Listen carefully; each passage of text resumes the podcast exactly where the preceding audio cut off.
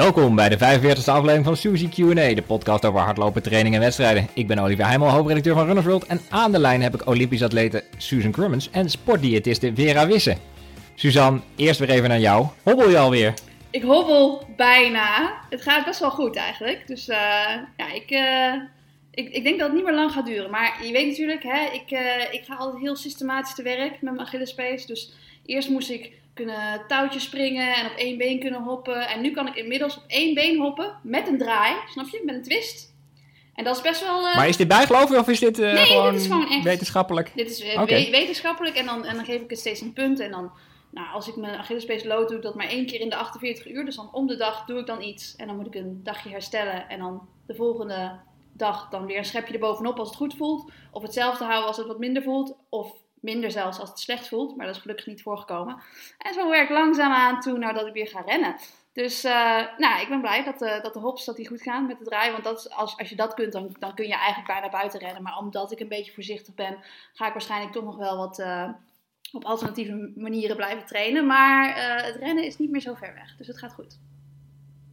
Zo, ik zit een beetje verscholen achter de boeken. Ik heb mijn microfoon op boeken gezet, vandaar dat jullie mijn hoofd half zien. Ja, ik dacht al. Dus dan weet je dat. ik zag je al puzzelend kijken, wat is dit ja, voor uh, constructie? Maar... maar goed, de hop en de draai, daar ga ik er volgende keer gewoon naar vragen hoe het dan ja. met de hop, hop en twist gaat. En uh, heb je nog uh, polsklachten overgehouden eigenlijk aan al die boeken die je aan het signeren was? Uh, ja, ik had vooral last van kramp. Kramp in mijn hand, inderdaad. en, uh, dus, uh, maar ik, ja, ik weet natuurlijk hoe ik daarmee om moet gaan. Dus na die signeersessie heb ik mijn hand goed gerekt en even geëist. En de volgende keer moet ik gewoon even activeren van tevoren. Dat was natuurlijk ook stom dat ik dat niet gedaan heb. Maar nee, ik heb inderdaad ja. heel veel boekjes gesigneerd. En dat was ook wel leuk. En het is, het is ook heel leuk om de eerste reacties van mensen te zien die er heel enthousiast over zijn. Dus ja, gewoon heel leuk. Wat ik heb eigenlijk nog nooit iets gesigneerd, bedenk ik me. Echt waar? Gewoon een boek. Nee. Oh, oh life goal. Je zou eigenlijk bij de runners wilt, zou je gewoon random, zou je gewoon misschien 50 runners of zo moeten signeren. En als je die dan in de bus krijgt, dan uh, weet je wel, verrassing, gesigneerd door Olivier. ja, dan zegt iedereen, de mijne is beklad. Nee, ik heb daar geen hoge verwachtingen van. ik ben wel één keer herkend, bedacht ik me laatst. Dat moet ik nog even vertellen, want dat was namelijk mijn persoonlijke hoogtepunt. Ja? Het EK 2016. Dus ik loop het stadion in om naar Daphne te kijken. Ja? En, en ik loop toevallig net achter Matthijs van Nieuwkerk. Oké, okay, niet helemaal toevallig. Ik vond het gewoon leuk om achter Matthijs van Nieuwkerk het stadion in te lopen. En dan komt een mevrouw naar beneden gerend en die zegt... Oh my god, het is... Dus hij draait zich al om. Olivier Heimel van Runners Nice. ja, ze leek gewoon ingehuurd, maar het was fantastisch. Ja, prachtig. Maar goed, ook zij vroeg niet om een handtekening of zo. Ze liep gewoon door. Nou, dan kun je nog even... Dus, uh, tja. ah, fijn. Um, Vera, naar jou. Ik heb uh, genoteerd dat je sportdiëtiste en uh, wetenschapper bent. Zeg ik het zo goed? Introduceer je jezelf ook zo? Of? Ja, sportdiëtist, maar dan zonder die truttige E erachter, alsjeblieft. Oh, okay. ja, ik zei wel wetenschapper, toch? Niet wetenschapster, maar... Nee, precies, dat was goed. Oké. Okay. Nee, uh, en, ja. en je bent schrijver van het boek Eet als een atleet hardloopeditie. Uh, dat is een klein beetje verwarrend. Er was al een boek Eet als een atleet. Wat dan voor mijn gevoel over atleten gaat. Uh, dit is de hardloopeditie. Vertel daar eens iets meer over. Ja, Eet als een atleet die is uh, drie jaar geleden uitgekomen. En nou, een beetje eigenlijk ontstaan uit frustratie over alle onzin die over voeding online te vinden is. um, en um, dat gaat eigenlijk over, is, is geschreven voor in essentie alle, alle sporters, zeg maar. Van krachtsport tot duursport tot intervalsport. En uh, nou ja, aan het begin van de co coronacrisis ging iedereen natuurlijk een soort van hardlopen. in ieder geval buiten be bewegen en niet meer naar de sportschool. En toen is het idee ontstaan om daar iets mee te doen. En hebben we een, een speciale hardloopeditie gecreëerd. Dus het zijn recepten of het is een recept en een visie? Hoe moet ik me voorstellen? Um, ja, het, het, bestaat eigenlijk uit verschillende onderdelen. Uh, we hebben uh, inderdaad uh, recepten om het praktisch te maken. We werken met infographics, maar ook met de theorie erachter. We hebben ook heel erg de lezers vragen gehighlight. Um, we hebben geïnventariseerd wat, wat leeft er dan inderdaad onder, onder, onder de hardloper. en daar hebben we de, de, theorie bijgezocht. Oh, dus het is eigenlijk dus een soort is van theorie en praktijk. Q&A. Vera Q&A. ja, het is een beetje Q&A. Leuk. Ja. Leuk. En, um, want jouw persoonlijke voedingsvisie, hoe, hoe vatten we die samen? Uh, doe maar gewoon, dan doe je al gek genoeg. Oké. Ja. Eh, dus, ehm, maar in de praktijk leidt dat dus, eh, je moet helemaal niet extra eiwitten eten en zo? Of, of zijn er wel bepaalde dingen die je kan doen die misschien helpen? Nou ja, er zijn wel bepaalde specifieke dingen, hè, maar die je kan doen, zeg maar, om uh, uh, beter te worden, sneller te worden, et cetera. Uh, alleen dat moet je natuurlijk wel heel erg in de context plaatsen van het grotere geheel. In die zin, zeg maar, dat je niet per definitie heel veel sneller herstelt, zeg maar, als je de hele dag door eieren eet. Um, dus ja, er zijn wel bepaalde dingen, maar dan, dan praat je natuurlijk heel erg richting, richting topsport en, en prestatieverbetering. En voor degene die drie keer in de week shocked uh, door de polder, zeg maar, heb je echt niet zo heel veel bijzonders nodig. Nee, want ik lees vaak, en dat vraag ik me dan oprecht af. Uh, als je maar gezond en gevarieerd eet, dan hoef je niet. Nou, puntje, puntje, vul maar in. Ehm, maar hoeveel mensen eet de gemiddelde lezer van Runners World, eet die gezond en gevarieerd? Of, of is dat iets wat eigenlijk bijna niemand doet? Of, want ik weet dat we allemaal te weinig groente eten, bijvoorbeeld. Ja, ik heb geen steekproef gedaan onder de lees van de Runners World. Maar in het algemeen kun je wel zeggen dat uh, inderdaad de, de, de, gemiddelde Nederlander zeg maar, uh, onvoldoende groente en fruit. En dat zijn wel voorwaarden zeg maar, om gevarieerd, uh, gevarieerd te eten. Dus ik, ik denk ook dus dat de meeste lezers van de Runners World onvoldoende groente en fruit eten. Maar dan is het nog steeds de vraag of je dat moet aanvullen met supplementen of dat je gewoon voldoende groente en fruit moet eten. Ja, dat laatste. ja, zo'n speciaal supplement. en um, wat zie jij het meeste fout gaan bij, uh, bij gewone lopers of bij topatleten? Oh, dat uh, kunnen heel veel verschillende dingen zijn. En, en soms zijn, vaak zijn er ook gewoon heel praktische grondslagen uh, daaraan te koppelen. In die zin dat het ook bijvoorbeeld qua timing, weet je wel, als je hardlooptrainingen voor de gemiddelde persoon zeg maar zijn rond, rond etenstijd. Ja, wat doe je dan als je om vijf uur klaar bent met werken en om half zeven op de baan moet staan, bij wijze van spreken. Um, ja, ergens moet je toch een maaltijd plannen. Um, dus, dus dat soort dingen, heel veel praktische dingen zeg maar gaan, gaan mis, maar ook... Uh, de hele koolhydraatarme hype, zeg maar, die op dit moment heerst, zeg maar, dat mensen denken van ik heb helemaal geen koolhydraten meer nodig. En dan tijdens uh, als ze een wedstrijd gaan lopen, zeg maar, wel ineens allerlei jelletjes en sportdrankjes tot zich gaan nemen. Nou, dat soort uh, dingen zijn, komen heel vaak voor. Ah, kijk, ja, ik eet heel veel kikkers en muizen, dus daarmee bouw ik als het ware mijn kool, koolhydratenresistentie goed op. Um, nog even een kleine sideline. Jij bent ook de zus van mijn collega Yvonne van Lange. Uh, en het geestige is, zij moeten echt helemaal niks hebben van social media en uitgesproken meningen. Maar jouw Twitter-tijdlijn is een van mijn favorieten, omdat je dat wel hebt, zeg maar. Was dat vroeger al, dat jij uitgesprokener was dan je zus? Of? Nee, helemaal niet. Oh. In, in, mijn beleving niet, in ieder geval. Um, nou, we, we, hebben heel veel vragen binnengekregen. Suzanne is zo gemeen geweest om de vragen die zij persoonlijk binnenkreeg op haar Instagram ongeveer 120 seconden voor deze uitzending aan me door te sturen. Ja, sorry, dus ik, was uh, vergeten. Sorry. Maar heeft niemand er in ieder geval ja, bij de Formule 1 gooi je dan zo'n ijsklontje in je pak, dat je nog helemaal wakker bent vlak voordat het begint. Oepsie. Ah, fijn. Hoog tijd voor ons eerste segment. Ach, Suzy, stuur je vragen en ik probeer hem te stellen. Um, Dorien van de 15, volgens mij. Zijn extra vitamines aan te raden als hardloper? En zo ja, welke? Uh, uh, niet specifiek. Um, het, in feite zeg maar, heb je uh, niet extra vitamines nodig als hardloper. Ja, ja, je verbruik is ietsje hoger wellicht. Uh, maar omdat je ook automatisch iets meer eet, omdat je meer verbruikt, zeg maar, krijg je ook automatisch meer vitamines binnen. Dus in essentie niet. Um, specifieke aandachtspunten zijn wel vitamine D, met name in de winter. Um, uh, en uh, voor vrouwen zou dat eventueel ijzer kunnen zijn. Maar onder voorwaarde dat je dan wel weet zeg maar, dat je daadwerkelijk een ijzertekort hebt. Ja, want vitamine D, daar lees ik nu echt wel veel klanten over en zo. Dat is wel een, een hype hier, toch? Wondermiddel. Ja, het zou ook ja, tegen corona helpen. En, uh... Het helpt tegen alles. Ja. oh, wat heerlijk. Nou ja, het is gewoon een feit, zeg maar, dat uh, in feite via de voeding is het heel lastig om voldoende vitamine D binnen te krijgen. Uh, dan moet je elke dag uh, een portie vette zalm binnen, tot je nemen. dus we hebben het nodig, we halen het voornamelijk uit zonlicht. je legt een voorraadje aan en ergens in eind februari is dat voorraadje zeg maar wel een beetje op zijn laagst en op. Um, dus vitamine D, zeg maar, als supplement in de winter wordt voor heel veel groepen wel aangeraden. En zeker ook, voor, zeker ook voor sporters en dus ook hardlopers. Ehm, dus dat zou de enige zijn waarvan ik zou zeggen dat zou standaard een supplement kunnen zijn voor de meeste sporters, hardlopers. Ah, ik vind het wel fascinerend dat je echt een voorraadje aanlegt. Daar kan je gewoon maanden op teren. Dat zit ergens in mijn lichaam en dan ja, je slaat een beetje op in, in, in weefsel, in vetweefsel, in je lever, et cetera. Dus, dus daar kun je inderdaad wel een tijdje mee uh, opteren. Uh, het is wel zo, zeg maar, dat je niet kan zeggen van... nou, dan ga ik uh, in de laatste zomermaanden, zeg maar...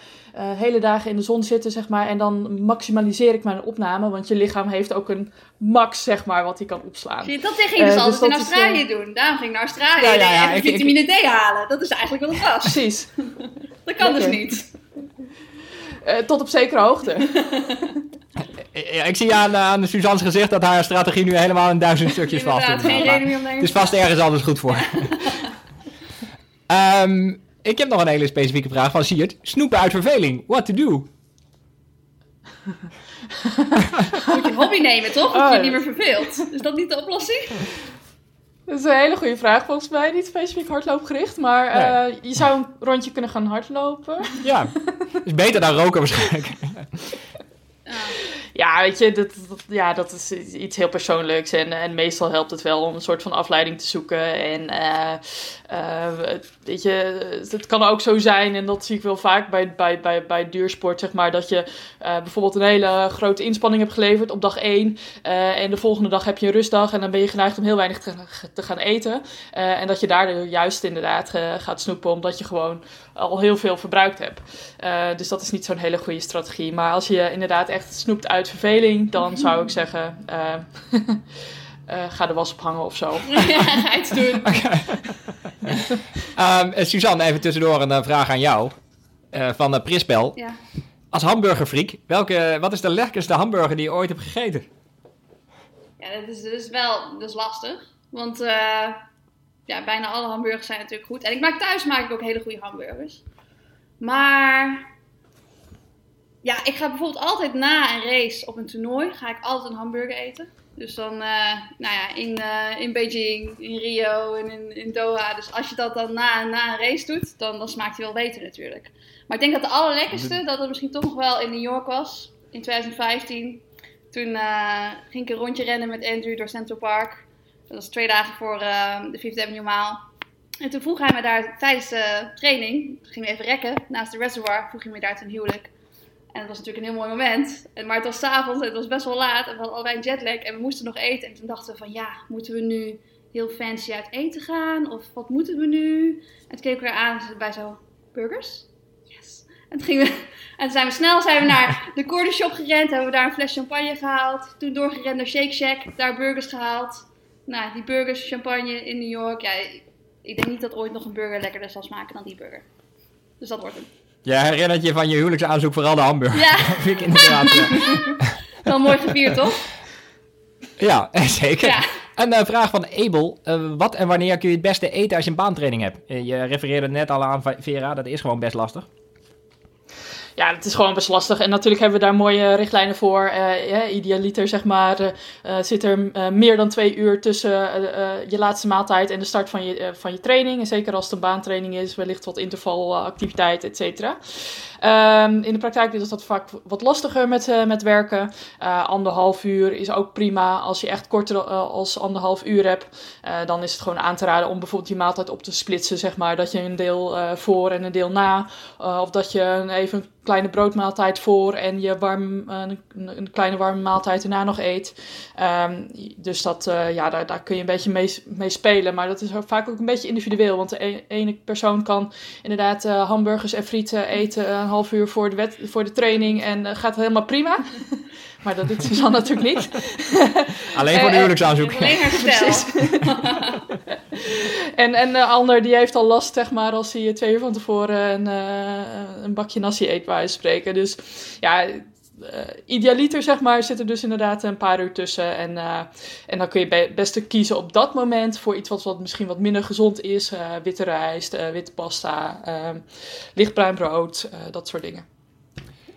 een vraag, ik verheug me eigenlijk al een beetje op het antwoord. Sander Grootmans die vraagt, wat vind je van Nutritape? Oeh, over uitgesproken meningen gesproken. Maar wat is het? Mag ik, mag ik vragen wat het is? Ah, het, is, het is een pleister die je opdoet tijdens een ultrarun. En dan komt de voeding door de pleister in je huid. Oh, bijzonder dit. Ja, nou, ehm, eh, er zitten een aantal dingen in die pleister, zeg maar. Dat zijn eh, BCAA's, hè, dus eh, een aantal essentiële aminozuren en er zitten een paar vitamines in. En dat, dat zou er technisch voor zorgen dat je geen koolhydraten meer nodig hebt tijdens hardlopen, Ehm, eh, dat je geen kramp meer krijgt. Dus eigenlijk is het het wondermiddel voor alles. En als het een wondermiddel voor alles is, zeg maar, dan moet je daar sowieso vraagtekens bij zetten. Een voorbeeldje, zeg maar, je hebt geen koolhydraten nodig, kennelijk, zeg maar, tijdens hardlopen, wat best wel bijzonder is. Ehm, en ehm, de, toevallig genoeg zit er wel vitamine B1 in. Vitamine B1 heeft verschillende functies, maar onder andere dat het koolhydraten omzet in energie. Ik vind dat echt fantastisch. Ik geniet daar echt van, zeg maar. dat soort tegenstrijdigheden. Ehm, nou ja, sowieso is, is de vraag, zeg maar, wat is de opnamecapaciteit zeg maar, van die voedingsstoffen via, een, via je huid, via een pleister? Eh, daar is sowieso nul onderzoek eigenlijk, of bijna nul onderzoek naar gedaan. Eh, dus het, het is, het is ehm, de werkzaamheid, zeg maar, is, is, is, is niet wetenschappelijk onderzocht eh, zoals je het zou willen onderzoeken. Oké, nou ik, ik trek hem gewoon weer af. Ehm, Het placebo-effect doet ook wat, hè? Dus Ja. Oh, ja, energie. staat wel super cool. Ehm, een vraag van eh, Jan Verhulst. Het, heeft het innemen van eiwitten vlak voor het slapen gaan een gunstig effect op het herstel? Dat, die vraag Ja. krijg ik best wel vaak. Namelijk, eh, bij eiwitten schijnt het het beste zijn om, om kleine doses gedurende de dag in te nemen. Ik geloof zelfs dat er sporters zijn die s'nachts wakker worden om het in te nemen. Eh, heeft dat zin of kan je net zo goed drie keer per dag... eh, ja, Suzanne schikt hier een beetje Ja, inderdaad. Ik denk, lijkt me toch wel dat, de- dat de slaap, slapen dan belangrijker is dan je eiwitten binnen de nacht. Maar goed.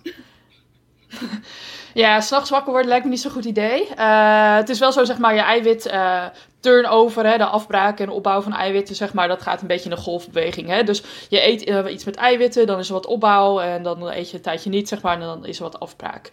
Wat je eigenlijk wil, zeg maar, is dat dat stukje opbouw, zeg maar, net iets groter is dan een stukje afbraak.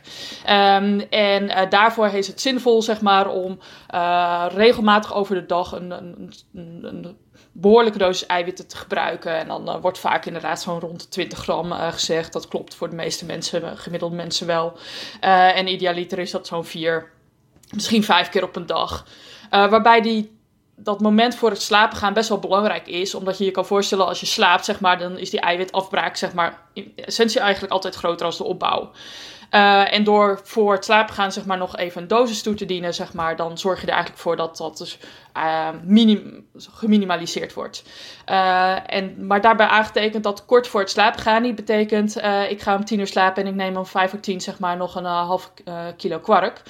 Omdat dan de hoeveelheid, het volume zeg maar, eigenlijk van invloed is op je slaapkwaliteit. Hè, want het moet nog verteerd worden. Ja. Dus voor het slapen gaan, zeg maar, dan praat je over een uur, anderhalf, misschien twee uur. Oh, oh, dat wist ik En niet natuurlijk als je wakker wordt. Hè? Want ik weet, dat daar ben ik een keertje op gewezen Ja. door een eh, voedingsdeskundige. Dat ik dat netjes deed voor het slapen gaan, inderdaad mijn eiwitten. Maar dat er bij het ontbijt eigenlijk heel weinig eiwit zat. En dat ik dan alsnog eigenlijk van dat moment in de avond tot de lunch pas weer een eiwitmomentje had. Dus ze zeiden nu moet je een eiwitmomentje in de ochtend inbouwen. Dus ik denk dat dat ook iets is dat heel veel Nederlanders met een typisch Nederlands ontbijt dat in ieder geval niet doen. Precies, hè, die boterham, bo- boterham met hagelslag, zeg maar, die doet niet zoveel. Dus inderdaad, eh, ook het ontbijt is eh, een belangrijk moment. Men- mentaal doet het alweer meer natuurlijk. Maar en, en 20 gram eiwit, is dat, eh, is dat een ei? Zijn dat drie eieren? Of moet je überhaupt niet in de eieren denken? Nou ja, eieren, daar zijn de meningen ook over verdeeld. Maar als je het bijvoorbeeld uitdrukt in een bakje kwark, dan zit je met de, de meeste, als je magere kwark neemt, zeg maar met zo'n 150, 175 gram, eh, eh, kom je eigenlijk al een heel eind. Oké. Eh, een vrij specifieke vraag van nextrun.nl. Hoe kijk je aan tegen intermittent fasting en het lopen van een marathon? Is het mogelijk om een marathon een nuchter en snel te lopen? Oeh, Eh, als antwoord op die laatste, nee. wel heel rustig. Ik, ik, ik noteer het. Als je de finish haalt. Eh, maar voor de marathon lijkt me ook wel eh, vrij rigoureus. Maar je zou natuurlijk wel in de aanloop naar de marathon dit kunnen toepassen? Of? Nou ja, intermittent fasting, uh, ik, ik wil dat even wat breder trekken in de zin van nuchter trainen.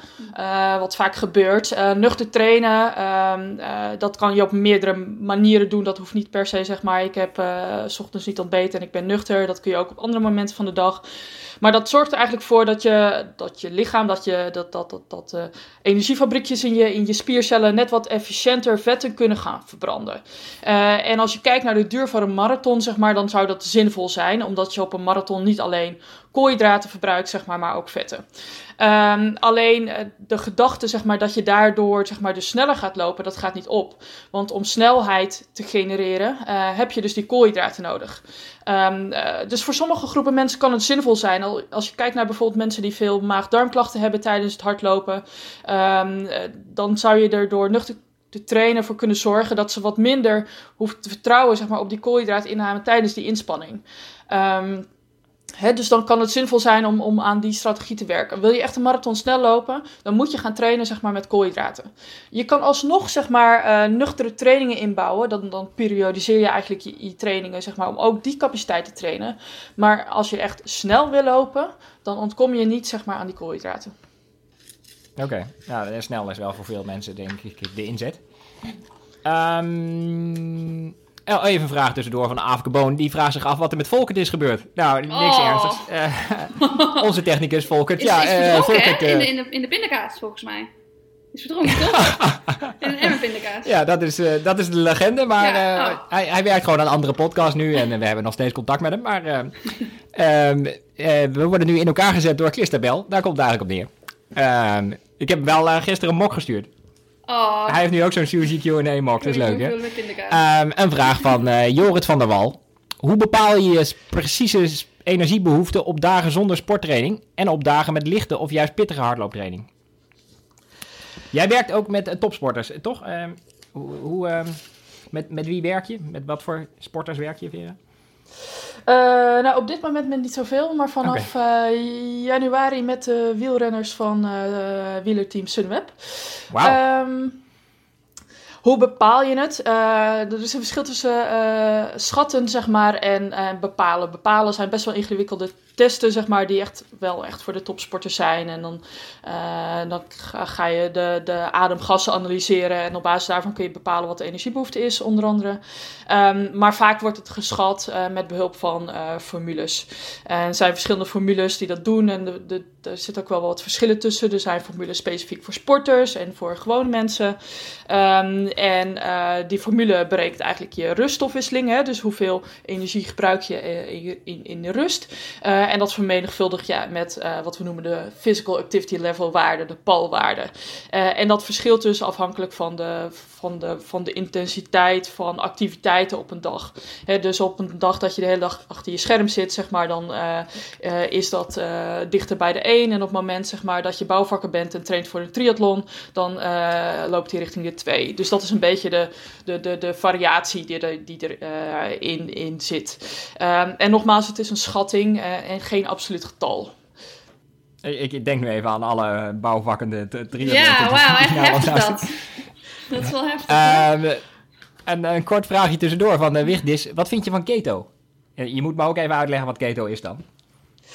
Uh, keto uh, zal ongetwijfeld afkorting zijn voor ketogeen. En ketogeen betekent eigenlijk uh, vrijwel nul uh, koolhydraten. Um, er is niet echt een, een, hele harde definitie voor, maar er wordt vaak uitgegaan van minder dan 50 en soms minder dan 20 gram koolhydraten per dag. En dat is echt heel weinig. Dat is nog geen boterham, zeg maar. Um, uh, waarbij je dus eigenlijk voornamelijk vette eiwitten binnenkrijgt. Um, uh, ja, wat doet het voor de hardloper die iets uh, zijn prestatie wil verbeteren? Zo, uh, lijkt het me niet heel erg handig. Voor, over het algemeen is dat zo'n voedingspatroon ook vrij arm aan bijvoorbeeld voedingsvezels, omdat je eigenlijk alle granen, groenten, fruit soort van uitsluit. Ehm, dus ook qua gezondheidseffect en qua prestatieverbetering zou ik zeggen nee. Er zijn hele specifieke onderzoeken naar diabetes type 2 patiënten met heel veel overgewicht. Uh, dat die onder begeleiding daar eventueel baat bij zouden kunnen hebben, maar daar blijft het bij. Oké, ik noteer dat je niet per se fan bent. Um, een andere vraag nog van, um, van Sander Grootmans weer. Um, veel toppers gebruiken Morten gels en sportdrank. We hebben het er eerder over gehad. Uh, adviseer je dat ook voor goed bedoelende amateurs? Goed bedoelde amateurs? Uh, uh, niet per se. Morten heeft een, een, specifieke technologie in hun producten, zeg maar. Ze praten dan over hydrogels, waardoor de koolhydraten wat, langzamer zouden worden opgenomen. En je dus eigenlijk ook wat meer koolhydraten tot je zou kunnen nemen. ik ben geen voedings- of geen levensmiddelentechnoloog, dus ik, de precieze techniek erachter weet ik niet. Ik weet wel dat van ervaringen van. van van, van lopers uh, met, op een hoge intensiteit. Hè, dus eh, die echt een uh, marathon wel binnen een, een, uur of drie lopen. dat zij het prettiger vinden, zeg maar. of of iets beter kunnen verdragen. maar goed, dan, dan praat je over ervaringsdeskundigheid, zeg maar. Niet zozeer over, over de techniek die, er, die erachter zit. Dus adviseer ik het als, als mensen het prettig vinden, zeker. dat is eigenlijk vooral mijn uitgangspunt. Hè, wat, wat, wat is iemand zijn individuele tolerantie voor specifieke producten. Maar het betekent niet dat je ineens een marathon binnen de eh, twee uur gaat lopen, trouwens, als je die producten gebruikt. ik nog proberen. ja, ik, uh, ik zie de teleurstelling op je gezicht, ja. Suzanne. Um, Gebruik en lijnen van... Olivier? Uh, ja, uh, ja, ja. Uh, ik heb ook wel Martin uh, sportdrank gedronken tijdens mijn marathon. Die ene marathon die ik gelopen heb. Maar ik herinner me vooral dat, dat mijn haas, Erik, een paar kilometer voor het einde, toen ik echt niet meer zo gezellig was, een, een soort winegum in mijn mond stopte die, die ook wonderen deed. Ja. weet je daar wel ik weet niet wat daar allemaal in zat. Goed dat je niet getest bent na de wedstrijd. nee, als topatleet kan je dat dan niet aannemen. Dan zou je nooit eens gewoon maar in je mond stoppen. Oh. Maar het smaakte wel heel erg als winegum, dus maak me niet al te veel zorgen. Ja. Uh, uh, een vraag van Katelijne. Ik ben fanatiek uh, hardloper, sporter en volg een plantaardig eetpatroon. Ik ben benieuwd naar eventuele tips en adviezen om deze passies goed te combineren. Dat is ook een vraag die bij veel mensen leeft, denk ik. Ja, inderdaad. Steeds meer mensen gaan wel plantaardig eten. En uh, dat is op zich een hele, hele goede vraag. En, en, en in feite zeg maar, is er geen reden om aan te nemen dat je daardoor specifieke tekorten oploopt. En je kan het ook heel prima combineren. Er zijn een paar aandachtspunten. Uh, en dat gaat over, als je praat over herstel, zeg maar eiwitkwaliteit. Hè, want we zien uh, eigenlijk dat de eiwitkwaliteit, of de samenstelling van dierlijke eiwitten eigenlijk vergelijkbaar is met wat wij nodig hebben. En van plantaardige producten, zeg maar, ontbreken er eigenlijk vaak een paar bouwsteentjes. Op het moment dat je dat op een goede manier zeg maar, eigenlijk opvangt. Hè, dus door verschillende eiwitrijke plantaardige bronnen uh, te combineren, granen, noten, uh, nou noem maar op. Uh, dan zie je eigenlijk dat er weinig problemen zijn. soja is eigenlijk het enige plantaardig product, zeg maar, wat ehm, enigszins vergelijkbaar is met dierlijke eiwitten. Dus als je dat toevoegt zeg maar, aan je uh, menu door bijvoorbeeld uh, zuivel te vervangen door uh, zuivel of plantaardige drinks op basis van, van soja, heb je al een goede, goed punt te pakken. het grootste aandachtspunt is eigenlijk, met name voor vrouwen, is ijzer inname. Um, dus veel groene groentes eten, um, vitamine C-rijke producten gebruiken bij maaltijden waar plantaardig ijzer in zit. Dus groente, fruit toevoegen. en dan kom je eigenlijk al een heel eind. Dus het is echt niet nodig om hele specifieke dingen te doen. Uh, los van ervoor zorgen dat je inderdaad variatie hebt in je eiwitbronnen en, en je ijzeropname optimaliseert. Ja, ik eet tegenwoordig ook iets minder vlees, maar dat is puur om Suzanne's hamburgers te, te compenseren. hey, ik, ik um, eet ook vegaburgers, hè. Die zijn ook heel lekker. Oh, ja, ja, en dat, ja nee, die, die, zien er ook prachtig uit. Dus dat is, en dat zijn ook mijn favorieten. Um, een vraag van Jeroen Geurtje, mijn dochter. Uh, is fanatieke middellange afstandatleet, maar heeft bij hoge intensiteit interval heuveltrainingen last van misselijkheid. We hebben van alles geprobeerd, maar is er iets wat helpt tegen misselijkheid? Ja, ik heb die vraag ook uh, gelezen van tevoren. Ik heb jouw uh, Instagram-post uh, nauwkeurig in de gaten gehouden, Suzanne. um, ik, ja, ik, dat soort hele individuele vragen vind ik moeilijk om een algemeen antwoord op te geven. Um, de, dus het kunnen meerdere factoren spelen, een rol spelen in misselijkheid. Dat hoeft niet alleen zozeer voeding te zijn. Um, wat al gedaan is, hè, licht verteerbaar voedsel gebruiken, dat lijkt me eigenlijk al een hele goede. en en ik, ja, nogmaals, ik vind het moeilijk om, om daar een, eh, een gericht antwoord op te geven als ik de case niet ken. maar, maar heel algemeen, want ik ben ook wel eens misselijk. Is misselijkheid eigenlijk een signaal van het lichaam, dit had je niet moeten eten? Of is dat te kort door de bocht? Uh, kan, uh, dat, dat kan zeker. Maar ook bijvoorbeeld uh, te weinig eten. Dus gaan sporten op een lege maag. Dat kan eigenlijk ook heel goed misselijkheid veroorzaken. Omdat um, er eigenlijk letterlijk niks in zit, zeg maar. Dus dat, dat, die, dat maagsap wat daar zit, gaat, gaat een beetje klotsen. dus dat kan ook een oorzaak zijn van, van misselijkheid. Dus het kan zowel te veel verkeerd als te weinig voedsel zijn. Oké. Um, ook nog een vraag van Lin Runs. Atleten kunnen hun voeding 100% afstemmen op een training en races. Um, alleen, hoe doe je dat met een gezin met opgroeiende tieners? Is er een soort uh, shortcut voor mensen met minder tijd? Ja, ook dat is echt een hele goede vraag. En, en dat, dat zijn ook echt typisch dingen waarvan ik uh, waar, waar je als, uh, als sportdiëtist eigenlijk gewoon even een puzzeltje gaat maken van uh, wat kun je wanneer eten en, en, en wat eten de kids ook mee. Um, um, ja, ook dat is een, zo moeilijk om daar een heel specifiek antwoord op, op te formuleren. Uh, maar niet.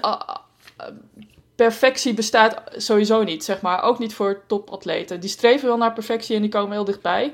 Maar ook da daar zijn er onzekerheden, zeg maar. Uh, wat betreft voeding en, en, en timing en dergelijke. Um, dus ehm, niet iets minder optimaal is vaak ook gewoon prima.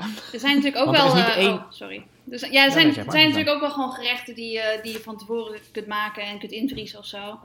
Bij bijvoorbeeld in ons boekje de kwarkbollen staan, maar ook iets van linzensoep of zo. Dat soort dingen zijn toch wel gezonde alternatieven die je snel even kan ontdooien als, als er even geen tijd is.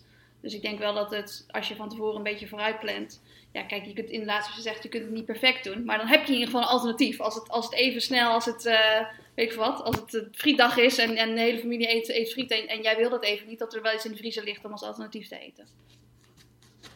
Ja, ja, precies. Uh, een stukje voorbereiding is natuurlijk uh, belangrijk. En dat kun je op heel veel verschillende levels doen. Zeg maar de avond van tevoren je ontbijt voor de volgende dag klaarzetten, bij wijze van spreken. De, dat, daar zijn ook heel veel mogelijkheden voor. Ehm, maar je kan je ook afvragen, zeg maar, wat die ene dag friet zeg maar dan daadwerkelijk betekent voor je hardloopprestatie. Nee, dat is ook zo. Ja, bij vooruitplannen moet ik altijd aan mijn boterhammen vroeger denken. Want ik, eh, toen ik op de middelbare school zat, toen maakte mijn moeder de boterhammen voor de hele week. En die, die, die eh, gingen dan in een vacuümzakje, zeg maar. Die werden vacuüm gezogen en dan ingevroren. En dan s ochtends kreeg je die dan mee en dan gedurende de dag ontdooide die. Maar die werden natuurlijk niet heel lekker. En, en het probleem was, ik kon het ook niet weggooien, want mijn ouders werkten allebei op de middelbare school. Dus, en die zakjes waren vrij specifiek, dus die zou je wel herkennen. Oh. Ah, fijn. Komt een klein jeugdtrauma boven hier. Liever niet. Um, een vraag van uh, Vliegende Lies. Dat spreekt me aan, want mijn dochter heet Elisa. Is het boek ook interessant voor iemand met een prikkelbaar darmsyndroom? Of vooral uh, lactosegevoelig? Uh, jazeker. Uh, we hebben het boek eigenlijk opgebouwd uh, uit, uit verschillende delen, zeg maar. Van eigenlijk basis naar advanced. en zeker in het laatste deel gaan we eigenlijk heel specifiek in op hardloopgerelateerde klachten. En maag-darmklachten maken daar natuurlijk ook een onderdeel van uit. en dat behandelen we redelijk uitgebreid. dus antwo kort antwoord, ja. het is ook geschikt voor mensen met prikbaar darmsyndroom. Nou, dan, uh, ik zal zeggen, koop dat boek. Er staat ook een voorpublicatie in de, de nieuwe Runners World, die uh, vanaf vandaag in de winkel ligt overigens. Uh, Vera, waren er nog dingen die jij kwijt wil aan de luisteraar? Nee, ja, nee. Um, uh, misschien wel als, als toevoeging, wat wordt vaak gedacht, inderdaad, het is echt voor, alleen voor, uh, uh, voor topatleten. Het is juist bedoeld, zeg maar, voor ook de beginnende hardloper die net zijn eerste paar hardloopschoenen heeft gekocht en, en die wil gaan starten. dus het is echt bedoeld voor ehm, iedereen die, die hardloopt of wil gaan hardlopen. en zeker niet alleen voor degene die dus een marathon voor, in, in marathonvoorbereiding is. Ja, en, dus, eh, en ik wens jou heel veel succes bij Team Sunweb natuurlijk. Dat vind ik machtig. Ga je ook mee op reis? Nou, mee op reis is in deze ja, okay, ja, tijd natuurlijk altijd een beetje uh, twijfelachtig. uh, maar ja, dat zal uh, zeker trainingskampen en dergelijke zal, zeker, zal ik zeker meegaan. Ja. maar, maar dan ben jij ook degene die zegt niet nog een bord pasta? Uh, dan bepaal ik een soort van wel wat mensen eten. Ja, Oh, mede. Heerlijk idee. Ja, neem je die teams niet ook gewoon een, eh, een eigen chef mee? En dan, ik heb dat ergens gezien een keertje in een documentaire. Dat er, dat er zo'n team was, eh, ze hadden een, chef en een, inderdaad een eh, voedingsdeskundige mee. En alles werd gewogen en, en precies afgestemd. Is, is dat dan iets waar jij dan ook mee te maken hebt? Of is het, jij bent meer achter de schermen dat je het van tevoren plant? Ja, in, in, in feite werkt het zo, zeg maar, dat de, de, de, de, de, de sportdiëtisten, zeg maar, die zetten de, de, de plannen uit, zeg maar. En, en, en de, de, de chefs en de soigneurs ter plaatse, zeg maar, die voeren het eigenlijk uit. Dat is een beetje inderdaad eh, de verhouding. En Ja. ehm, op die manier werkt het eh, in, op hoofdlijnen. Ja. En de sporters mogen wel bij jou doorgeven van, eh, ik vind alles lekker, maar broccoli, dat moet je me niet aandoen, zeg maar. Nou ja, je hebt, je hebt te maken met een team, dus je kan moeilijk zeg maar allemaal individuele eh jelletjes en reepjes en producten inslaan. Dus soms zal het waarschijnlijk ook zo moeten zijn dat ze dan maar gewoon die broccoli eh, moeten hachelen. Ja. nou, ze verheugen zich vast. Dan, eh, dankjewel. Heb je ook een vraag voor eh, Suzanne of voor mij natuurlijk? Mail hem dan naar mijn adres olivier.heimel.hurst.nl en wie weet komt jouw vraag in onze volgende podcast. Suzanne, ja, dat was leuk. Ehm, vind jij het moeilijk om gezonde keuzes te maken eigenlijk? Ehm, nou, niet moeilijk. Maar eh, ik, ik denk niet dat ik het hele jaar door per se gezond eet. Dus ik, ik periodiseer het wel een beetje. Gewoon zoals mijn training eigenlijk. Dus eh, nou ja, zeg maar vlak voor een toernooi of in de aanloop naar een toernooi... dan vind ik het wel belangrijker om gezond te eten. Maar bijvoorbeeld met de kerst, als je dat dan in ieder geval met familie viert... dan vind ik dat wel wat minder belangrijk. Alleen nu met mijn Achillespees is het wel zo dat ik zeg maar ervoor zorg dat ik gezond eet... omdat ik mijn lichaam ook echt de kans wil geven om zichzelf te herstellen. Dus ja, als ik dat niet zou doen, dan, eh, dan duurt het herstel misschien wel langer. Maar ik denk eigenlijk zelf dat het gewoon belangrijk is dat je weet waarom je gezond wil eten. Dus of dat nou is omdat je wil herstellen van een blessure, of dat je meer energie wil, of dat je, nou ja, weet ik wat, een 10 kilometer onder het uur wil lopen, of dat je aan het voorbereiden bent op een wedstrijd, wat misschien wel weer gaat komen. Ehm, ik weet in ieder geval dat, zeg maar, Jared, weet je wel, mijn eh, fysio, die, die zei altijd tegen mij met mijn voet, zei die van, ja, je kunt een post-it op de koelkast plakken. En dan erop schrijven, mijn voet is gezond. En dan iedere keer als je dan in de keuken bent, dan word je eraan herinnerd dat je je voet gewoon kunt gebruiken. Maar dat kun je natuurlijk ook gewoon met een doel doen. Zeg maar, ik kan op een post-it Tokio schrijven en dat op de koelkast plakken. Of iemand die Rotterdam gaat lopen, kan Rotterdam erop schrijven en dat op de koelkast plakken. En iedere keer als je de koelkast opentrekt, dan word je er eigenlijk, ja, word- worden je hersenen eigenlijk getriggerd, onbewust, om, om toch een iets gezondere keuze te maken. Maar goed, ik denk niet dat het. eh, het is niet per se wat, wat, wat Vera ook zei van met friet. Weet je, het is niet, het is niet, het is niet verboden om iets, iets ongezonds te eten. Maar ik denk wel dat het handig is om jezelf in ieder geval. om het makkelijker te maken om een gezonde keuze te maken. Dus zeg maar, als ik zin heb in chocola, dat heb ik gewoon in huis. Die, die oranje van Tony vind ik hartstikke lekker. Alleen eerst kom ik in de keuken langs het aanrecht. En op het aanrecht staat gewoon een schaal met, met fruit. en en nou, ja, dan zou ik misschien eerst een stuk fruit pakken. Als ik daar geen zin in heb, weet ik dat ik in de vriezer in ieder geval nog dadelballen en peanut butter cups die ik zelf heb gemaakt heb liggen. En in de koelkast staat gewoon skeer of yoghurt met een smaakje. Dus er zijn heel veel andere keuzes die ik kan maken. En als ik dan die la opentrek met de chocola, dan kom ik eerst nog dadels tegen, weet je wel. Dus op die manier is het, is het iets makkelijker om een gezonde keuze te maken. Maar ik denk gewoon, ja, als je dat, als je dat voor jezelf een beetje zo organiseert, dat het dan in ieder geval makkelijker is om gezonder te eten. En daarnaast is het zo dat je er gewoon ja, eigenlijk een gewoonte van kunt maken om bijvoorbeeld als we straks weer eh, wat vaker weggaan. dat je dan, als ik mijn tas mee heb, dan heb ik altijd, nou, dan check ik een paar dingen of het, of het gewoon of het erin zit. Ik had altijd al mijn, eh, mijn hand sanitizer mee, ook voor corona. En natuurlijk een waterfles om goed te hydrateren.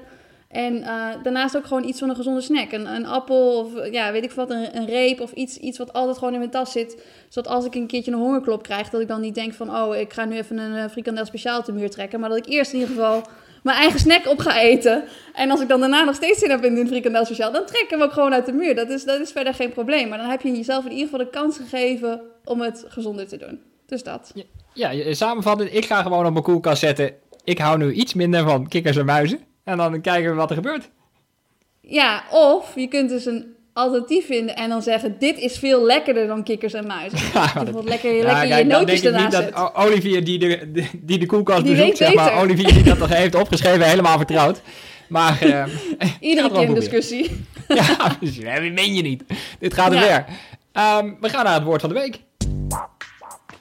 En dat is uh, solo marathon. Want ik zou komende zondagochtend dus oh ja. twee uur en een kwartier samen met mijn collega Imo Muller commentaar geven bij de solo marathon van Bjorn Koreman. En wauw, daar kreeg ik veel reacties op. Mensen raden me aan vooral om uh, net als in de Tour de omgeving te beschrijven. um, maar, Weet je ja, al waar het was geweest? Ja, het was een park van vijf kilometer waar die rondjes zou, zou lopen, zeg maar. Dus het was niet echt het Loiredal. Maar uh, ik kreeg wel echt goede tips ook. Uh, ook van Bert Pessing trouwens, de speaker. Die, die stuurde me nog een paar tips ook om, om regelmatig terug te blikken op de afgelopen vijf kilometer. Als dat mogelijk is. Oh, ja. ja. ik had eigenlijk ik had dat wel spannend gevonden. Want uh, ja, ja ik, ik, ik keek ook echt ja, ik keek er ook echt naar uit. Want ik dacht van, dat, dat gaat natuurlijk een half, een half uurtje, dan kun je dat helemaal leuk praten. en wat gebeurt er daarna? Ik, ik dacht al helemaal van, ik ga klaar zitten. Ik ga mijn hele dag eromheen plannen, zodat ik het helemaal kan kijken. En jullie zien struggelen met twee uur lang vol praten. Dus ik ja, ik had ook wel uh, nachtmerries dat ik zou zeggen, nou Imo, dan ben ik een beetje door mijn gesprekstof heen. En we hebben natuurlijk nog maar 1200 meter gehad. maar je had er natuurlijk wel gewoon wat, wat liedjes in kunnen gooien. Ik dacht van, je kunt ook een soort van playlist klaarzetten. En dan als het heel goed gaat nou, lekker hele positieve muziek. Als het wat minder goed gaat, misschien hele dramatische muziek. Ik weet ja, niet. dat is echt uh, technisch heel lastig om liedjes te doen. Hè? Dus uh, ik had wel, ja, uh, ik had het nummer van zijn moeder en van zijn zus gehad. Om dan wat, wat persoonlijke info te winnen. En dat dan zo te strooien, zo om de paar kilometer. Oh, van, wisten jullie okay. dat uh, Bjorn zijn eieren altijd... Nou ja, weet ik veel. Uh, fijn. Maar gisteren kwam dus een enorme opluchtende mededeling van Bjorn. Uh, en die gaan we nu gewoon even bellen. Ja, leuk. Bjorn, jij had een enorme opluchting voor me gisteren. Vertel. Ja, ik zou eigenlijk natuurlijk een uh, solo marathon gaan lopen. Uh, of solo, maar wel met een paar hazen. Maar uh, ja, ik had een, een, eigen plannetje omdat er toch geen wedstrijden waren. totdat ik opeens bericht kreeg vanuit Polen dat ik daar toch kon starten op een officiële marathon. Ja, wel natuurlijk een stukje harder dan dat ik zelf in gedachten had op, op mijn solo marathon. Maar unieke kans denk ik in deze tijd.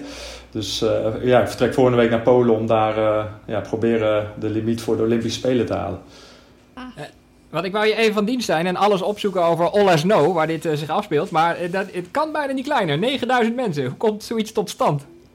Nou, ik kreeg eigenlijk een, een mailtje via Volare dan van de race director van Valencia. dat, hij eigenlijk, ja, dat hij zich een beetje lullig voelde dat, er, dat hij zoveel mensen had moeten afwijzen. Omdat er gewoon heel veel mensen daar wilden lopen. Het veld is daar supergoed. Dus toen is hij samen dus met de race director van deze wedstrijd in Polen samen gaan zitten van ja, wat kunnen we, wat kunnen we gaan doen? En zo is deze wedstrijd tot stand gekomen. Dus we starten echt maar met uh, 20 mannen en 10 vrouwen. Echt, echt een heel klein veld. Eigenlijk hetzelfde als wat ik in Dresden had vastgeleden. maar ja, voor mij ideaal natuurlijk. die massa hoeft er in principe ook niet te zijn om, om een goede wedstrijd te lopen. Is het allemaal op hetzelfde tempo? Gaat iedereen op hetzelfde tempo weg? Of uh, zijn er verschillende groepjes? Nee, wat ik uh, nu weet is dat er uh, met mij erbij zes man weggaat op de Olympische limiet. met een aantal hazen. Ja. Maar echt het veld, ik zou nog niet weten. Volgens mij zijn het een paar Polen en misschien wat Tsjechen. Of, ja, ik weet, ik weet het echt niet. Het is allemaal nog redelijk onduidelijk. ja, ik heb gewoon zaterdag het bericht gekregen en dinsdag dat het officieel doorging. Dus het is ja, allemaal weer een redelijk kort dag. En als het goed is hoor ik ja, morgen of zaterdag echt wat meer over de race. Dus spannend allemaal. Olivier is heel erg opgelucht. Hij was al allemaal liedjes aan het instuderen. want hij dacht van, ik ga onderweg liedjes zingen. Want ja, hoe praat ik de tijd vol? Dus... Ja, dat valt niet mee om dan twee uur en een kwartier vol te praten. Nee, dat, dat valt zeker niet mee. Ja, die mensen bij Kipchoge die hoefden maar 1 uur en 59 minuten. Hè? Dat scheelt dan toch een stuk, denk ik. Ja, dat scheelt, dat scheelt toch een dik kwartier inderdaad. Dus uh, ja, en dan liepen er ook nog iets meer mee. Maar wat voor tijd moet je nu weg? 2.11.30. Dus uh, ja, iets uh, weer 3,5 minuten sneller. al had ik wel het gevoel dat die 2.15, zeker na die halve marathon pas geleden, dat dat ja, dat het gewoon meer een opstapje was richting die 2.11 die ik dan eigenlijk volgend jaar wilde gaan lopen. Maar nu komt die kans, ja, nu al. En heb ik zoiets, ja, met die 1-2 in mijn benen, waarom ga ik het niet gewoon nu al proberen? Dus, ja. En moet je in de auto naartoe? Of, want Dresden heb je gewoon in één lange ruk gedaan, toch? Ja, ja, nou ja, dan kom je in principe weer precies langs. En vanuit daar is het nog 400 kilometer. Dus het zou kunnen met de auto. Maar uh, Ehm, ja, ik, ik, wacht ook nog steeds op bericht of dat er überhaupt iemand mee kan. Want zoals het er nu uitziet, moet ik er ook alleen heen. ja, dat is met de marathon en zo toch allemaal best wel spannend. Omdat je, ja, het, ja, het is toch echt wel wat anders ook met de voorziening tijdens de race. Met die bidons. En ja, mijn pols is op dit moment nog niet zo heel goed. Dus... Zijn het oh. rondjes of niet? Ja, het zijn tien rondjes, uh, waarvan eerst vijf kleine rondjes. En dan, wat ik heb begrepen, is dat dan de overgang naar het grote rondje, daar zit wel een klim in van 6%. Uh, eh, en dan heb je nog vijf grote rondjes. Dus uh, ja, verder is het redelijk vlak. Ja, maar je kunt in ieder geval wel je bidons neerzetten, eventueel. Dus het is niet zo dat je, is niet zo dat je één grote ronde maakt. Nee, precies. Ik, ik geloof dat dat allemaal wel, ja. dat dat allemaal wel geregeld wordt hoor. Dus ik denk dat dat wel goed komt. Ja. Kan drinken ik denk eigenlijk dat het misschien wel leuk is als uh, Olivier gewoon nog steeds wel commentaar geeft. Misschien kan Olivier gewoon een Instagram live doen. En dan gaan we die allemaal kijken. Terwijl we hopelijk ook nog de beelden van jou kunnen zien. Ik weet niet of het ergens is uitgezonden. Maar ik denk wel dat het leuk is nog steeds met commentaar van Olivier. Toch? Ja, lijkt me goed. Lijkt me goed plan. Uh, lijkt me goed plan. Nou, daarom heb ik me ook al verdiept in alles nou. Maar ik kan je nu ook vertellen dat je geen 42 kilometer door dat dorpje kan lopen zonder zeg maar, de oude weg te kruisen. Dus het is waarschijnlijk wel goed dat je rondjes loopt. Precies, precies. Dat, uh, ja, zo, zover heb ik me nog ineens verdiept erin. Maar uh, ik weet wel dat nog niemand ooit van dat dorpje gehoord heeft. Dus uh, het moet inderdaad wel redelijk klein zijn. Maar... En is het nog lastig om opeens acht dagen, zeven dagen later een marathon te lopen? Of taper je nu langer of taper je juist korter? Nou, kijk, taperen bij Bram is sowieso nooit echt uh, aan de orde, zeg maar. Dus de train altijd redelijk hard door. Bram is jouw trainer. Ja, ik zag je een paar dagen van tevoren nog een, nog een trainingje van de 38 kilometer doen. Ja, want afgelopen weekend trainde ik nog gewoon alsof ik komend weekend natuurlijk uh, wedstrijd zou lopen. En ik had afgelopen week had ik een week van 183 kilometer ja, dat is best wel serieus een week, uh, week van tevoren. Maar ja, het voelt super goed. Uh, deze week zit denk ik ook nog wel rond de 160, 170. Uh, dus we hebben alleen eventjes ja, één week een beetje aan moeten passen. Maar verder, ja, op zich was mijn marathonvoorbereiding al niet heel lang. Als ik echt die specifieke marathonvoorbereiding was nu maar denk ik zeven weken. Alleen wel vanuit een goede basis. Dus, en nu een weekje langer de tijd. En ja, voor mijn gevoel is de vorm echt goed. En, dus ik ben, ik ben er ook gewoon echt klaar voor. Ik, ben, ik, ben, ik, ik kan me wel voorstellen dat het mentaal, omdat je dus zeg maar die hele harde halve hebt gelopen en dat je dan zo'n piek hebt. Ik weet van mezelf, als je ergens, als je een keertje goed hebt gelopen, dat daarna soms, ja, dat je dan even een beetje een dipje hebt en dat het dan misschien wat moeilijker is om, om, om je goed te voelen in trainingen. En ik kan me voorstellen dat het nu makkelijker is om je voor te bereiden op een marathon met anderen dan dat je het solo zou moeten doen. Heb je een beetje nu verschil in, in, in motivatie of niet? Of is het gewoon precies hetzelfde als dat je je solo zou doen? Uh, nou, wel grappig wat je zegt, want ik had na die halve marathon in Dresden had ik zoiets van, waarom ga ik die marathon eigenlijk nog doen? Het was, uh, ik had die 1-2 gelopen en ik dacht van ja, weet je, het jaar is nu eigenlijk gewoon goed. Dus waarom zou ik die marathon nu nog gaan doen? Maar uiteindelijk heb ik dat gewoon te danken aan die marathonvoorbereiding, dat ik daar zo'n snelle halve liep ben. Uh, ja, ik heb echt wel drie dagen of zo dat ik echt totaal geen motivatie had. En dat ik gewoon alleen maar in mijn hoofd bezig was met die, met die 1-2. En gewoon, ja, ik dacht die marathon, dat, uh, dat vind ik wel niet zo interessant. En nu, ja, nu is, is het wel spannend. Ik was niet zo heel zenuwachtig voor die 2.15 solo te lopen, zeg maar. Maar nu... Uh, ik was zenuwachtig, denk ik. ja, nu, nu begint dat ook wel te komen. Oké, okay, officiële marathon, ja. 2.11, dus... Mooie kans. Ja, precies. ja. ja. Gewoon grijpen, die kans. Gewoon grijpen. Ja, het is in deze tijd sowieso uniek om een wedstrijd te lopen. En uh, tot nu toe heb ik elke kans uh, heb ik gehad. En ik, ja, een mooie kans. Ik heb in Valencia die 10.000 meter kunnen lopen. Ik heb nu in Dresden kunnen lopen en nu weer in Polen. Dus uh, ja, ik denk dat het voordeel is dat ik gewoon al die tijd goed door heb getraind. En dat, dat ik ja. deze ja, normaal niemand, voor niemand anders is deze kans echt weggelegd. Omdat wie is er nu in een marathonvoorbereiding als er geen marathon is? Dus, uh, dus dat geluk heb ik gewoon heel erg. En uh, daar ben ik blij mee. En qua corona krijg je ook allemaal ingewikkelde kastjes en beamers en uh, bubbels? En, of valt het... ja, wel, wel weer iets van drie testen geloof ik. Ik moet dan 48 uur van tevoren een test. Ik moet daar ook nog testen. Ehm, en misschien op de wedstrijddag zelf ook nog. Dus dit, dat is op zich allemaal wel weer goed geregeld. En ik voel me daar zelf ook al fijn bij als het op die manier geregeld is. En in Dresden was dat ook Ja. al gewoon top. En net als wat Suzanne denk ik in Londen heeft meegemaakt.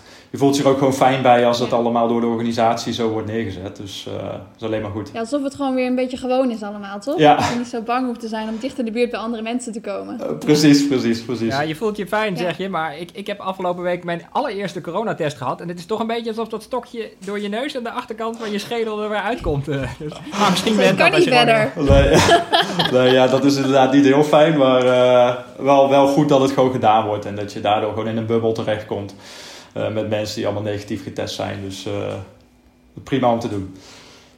Ja, en in Ja. Londen mocht niemand buiten de bubbel, maar in Polen wil niemand buiten de bubbel, denk ik. Precies. Hoeven ze geen hek omheen te zetten. Nee, precies. nou, eh, heel veel succes eh, volgende week. Ja, Wij Dankjewel. gaan je gaan het volgen. volgen.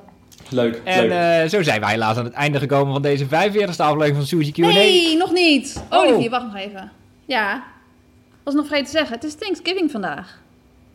Oh, We wow. moeten even zeggen, wat, waar zijn we dankbaar voor? Ik ga geen eh kalkoen eten, dat is, staat niet op het menu. Maar we moeten wel even zeggen, waar zijn we dankbaar voor vandaag? En het mag niet zeggen familie, vrienden of gezondheid. Want dat is te, te voor de hand liggend. Oeh. Ja, nou, Bjorn, ik zal jou eerst laten. Oh, moet ik. Ja, nou, als we het dan toch over die marathon hebben, dan eh, ben ik heel dankbaar dat ik in deze mooie tijd een, eh, een marathon mag gaan lopen volgende week. Ja, prachtig. Leuk. Ja, en ik ben voor alles dankbaar. Maar ik vind het ook wel leuk aan dit jaar dat eigenlijk niks kan, maar dat je nog wel gewoon een podcast op kan nemen. Nou, je hebt mijn antwoord. Ik podcast. De podcast. Ik ben dankbaar voor de... Altijd zo leuk. Gezellig. Ik ben dankbaar voor de podcast. Dus iedereen eventjes vandaag even bedenken voor jezelf. Ook al luister je niet op Thanksgiving. Waar ben ik vandaag dankbaar voor? Hele mooie oproep. En eh, zo zijn we dan echt aan het einde gekomen van deze aflevering. Dank Vera, dank Bjorn, dank Christabel, onze technicus van Dag en Nacht Media. Dank beste luisteraars, ook namens Suzanne, blijven luisteren en lopen.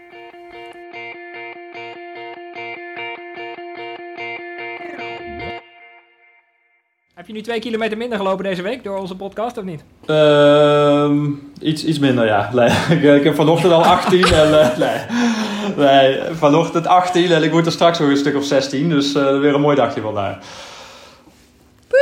Ja. Holy shit, ja, Suzanne zat snel mee te rekenen, maar 160 kilometer in de week, dat is 160 meer dan jij. Ja, dat dacht ik serieus. Ik wilde dat zeggen. Ik wilde zeggen. Ik wilde net zeggen. Oh my god, dat is, dat is 160 meer dan ik.